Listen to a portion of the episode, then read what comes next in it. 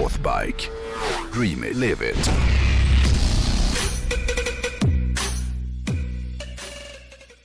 Egentligen ska vi faktiskt inte snacka hoj idag, för jag tänkte kombinera två ämnen som jag tycker om och som ligger mig ganska varmt om hjärtat. För jag ska nämligen snacka om kläder. eh, Som ju faktiskt har varit mitt yrke i många år. Men men jag tänkte även snacka om hojar. För i veckans avsnitt av dealen med hojen så tänkte jag faktiskt snacka om bikermodet. Åh, Ja, fan vad kul! lite! Eh, för bikermodet har ju inspirerat både traditionellt töntmode men också många av de underbara subkulturer Det där är jättekul. Ja. Bike. För det, det är en, en, sån- en ohygglig motsägelse i det ordet. Ja, jag vet. Bikermode. Jag, jo, men jag kommer nog kanske inte riktigt gå in... Jag förstår hur du tänker. Eh, kom, Det är hojkotyr. Ah, det är liksom, ja. det, det är jag ska inte gå in på lite... Du ser framför de här idioterna på Sturgis, hur de ser ut. Och de Ja. tänkte jag faktiskt kanske hålla mig lite ifrån idag. Men jag ska prata lite historiskt ho- hojmode. För som sagt, det har varit en del av av, av liksom min uppväxt och även din tror jag, liksom det här modet har liksom kommit och gått lite grann på något sätt. Och idag tänkte jag faktiskt försöka reda ut var de här olika bikerstilarna eller biker accessoarerna kommer ifrån ursprungligen. Så det blir lite Ah. mer historiskt, liksom, ur ett historiskt perspektiv som jag ska ta med an hojmodet. Från början så var det ju bara välbeställda människor som, som hade råd att köra motorcykel, alltså då i början på förra seklet. Så till en början då, då var ju hojmodet, det var ju förknippat med överklassen och då var det såklart mycket tweed som gällde. Det var så man såg ut när man körde hoj. Liksom. Men i takt med att hojarna blev snabbare så, så ändrades sig såklart eh, det här, för man insåg ju att man, man behövde ju, skulle man köra hoj då behövde man ju vara skyddad. Och, och jag menar, man flög ju av i någon kurva. Ja. Eh, Det var inte frågan om man föll av, utan det var snarare när man flög av. Man brukar säga att det finns två typer av hojåkare eh, än idag då. De som har vurpat på hojen och de som kommer att vurpa på hojen. Eh, För, för att man vurpar någon gång så- är det ju, det är en re, regel mer än ett undantag skulle man kunna säga. Ja. Hur som helst då, eh, så kom det ju ganska snart kläder som som hade någon form av liksom skyddstänk i sig på något sätt. Till en början så, så, så körde ju många hojåkare med såna här överrockar som var tillverkade av hästläder. Den här typen av rockar som var vanliga inom militären under första världskriget. Men förutom att vara ganska tåliga och slitstarka så var ju de här stora rockarna väldigt otympliga och klumpiga att ha på sig när man körde hoj. Då. Så de var inte alls optimala på något sätt. Men i New York 1928 så tillverkade en viss Irving Schott en jacka som för alltid skulle förändra hojvärlden. När han ritade och sydde den första riktiga motorcykeljackan i historien. Alltså en jacka som då var tillverkad för att just köra hoj i. Och Irving Schott han döpte den här jackan efter sin favoritcigarr.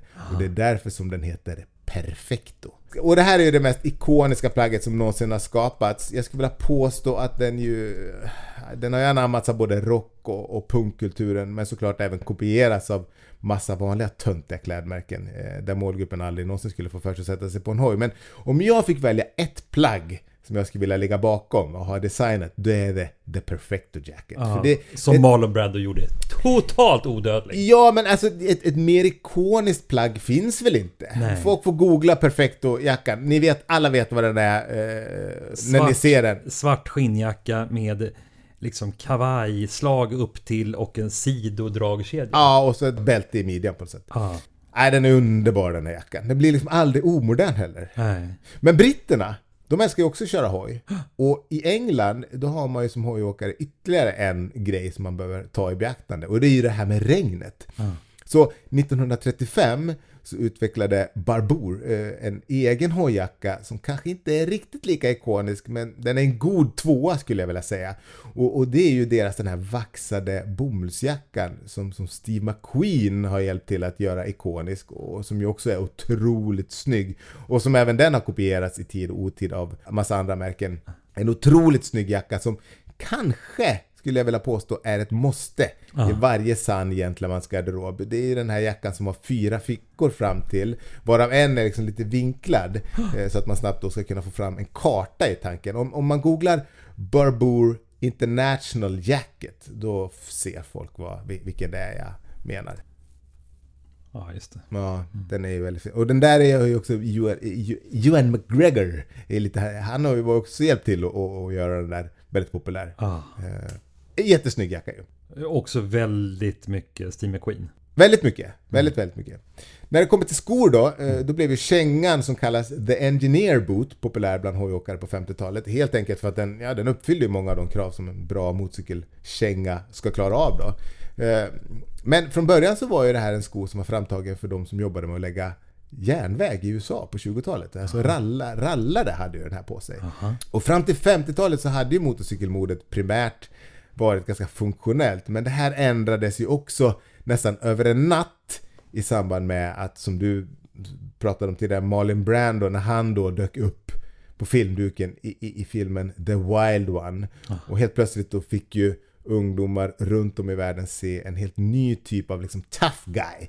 Så- Som inte bara var ledare för det här stenhårda hojgänget Black Rebels Motorcycle Club utan som dessutom då klädde sig i en perfecto jacka eh, tillsammans med då blå jeans och sen den här de här engineer bootsen som jag snackade om precis. Med uppvik på jeansen också. Uppvikt på jeansen, precis. Och i samma sekund så lades ju också grunden för en stil som skulle komma att anammas av hårdingar både i USA och i England. Alltså lite som en första punkvåg kanske man skulle kunna säga. Men den här stilen den anammades ju också av rockmusiker och outlaw bikers och många andra som, som, som ville ge sken av att vara coolare och hårdare än den då fortfarande ganska välkammade och mesiga massan. Alltså coolare än dåtidens TV4-ungdomar om du fattar vad jag menar. Ah. Eh, Jag nämnde ju Outlaw Bikers och i och med att filmen The Wild Ones till stor del handlade om liksom ett motorcykelgäng. Så när den kom på 50-talet då var det ju det var inte så konstigt att killarna som senare skulle komma och grunda klubbar som Hells Angels och så vidare gillade den här stilen och tog, tog, liksom, tog efter den här stilen. Men på 60-talet då när de startade sina klubbar då ville de sätta liksom, sin egen prägel på de här jackorna. Genom att bland annat då klippa bort ärmarna på dem och istället ha dem som västar. Och det är väl därför som de här västarna kallas för cuts, gillar jag. Men det var ju så här perfecto-jackor man utgick ifrån då. Och en av anledningarna till att man tog bort ärmarna var ju för att många, ja dels fick man ju bättre rörlighet när man körde hoj. Eh, men framförallt för att många av de här klubbarna bildades i Kalifornien och där var det ju ofta för varmt för att köra runt med en, med en tung skinnjacka då.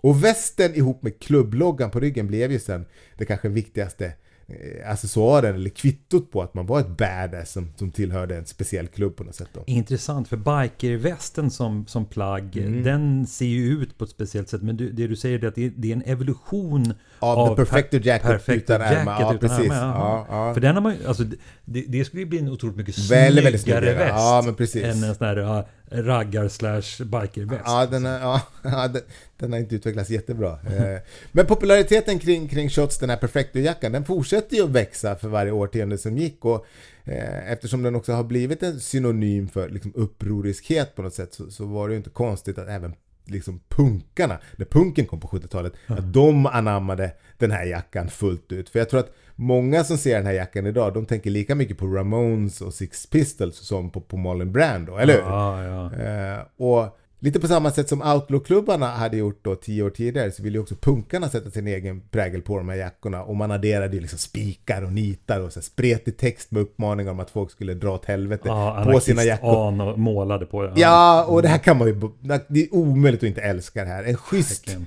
En schysst punk perfecto med nitar där det typ står piss off på ryggen. Man blir glad av att se det. Verkligen. Och så här har det liksom fortsatt genom åren. Liksom. Hojmodet och kanske framförallt den klassiska lärjackan har ju kommit och gått då, men aldrig riktigt försvunnit. Och det är ju för att det har alltid varit en viktig symbol för revolt på något sätt då. Och som ju hör ungdomen till.